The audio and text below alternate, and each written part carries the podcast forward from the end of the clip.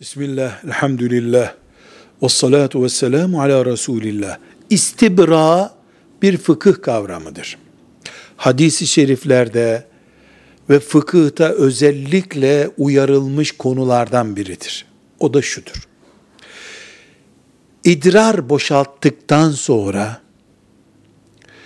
yani küçük abdest dediğimiz idrardan sonra, herhangi bir kalıntının çamaşıra bulaşmasını önleyecek tedbir almak demektir istibra. Bu nedir?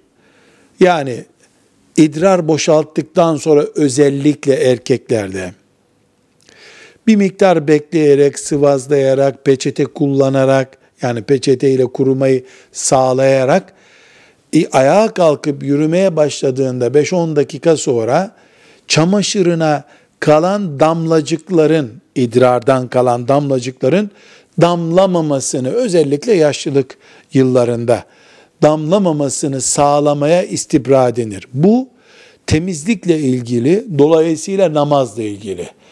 İstibraya dikkat etmemek demek, namazın olup olmadığına önem vermemek demek. Çünkü iki damla damlamış olsa, veya bir damla damlamış olsa namazı bozulacak. Abdesti yok olmuş olacak.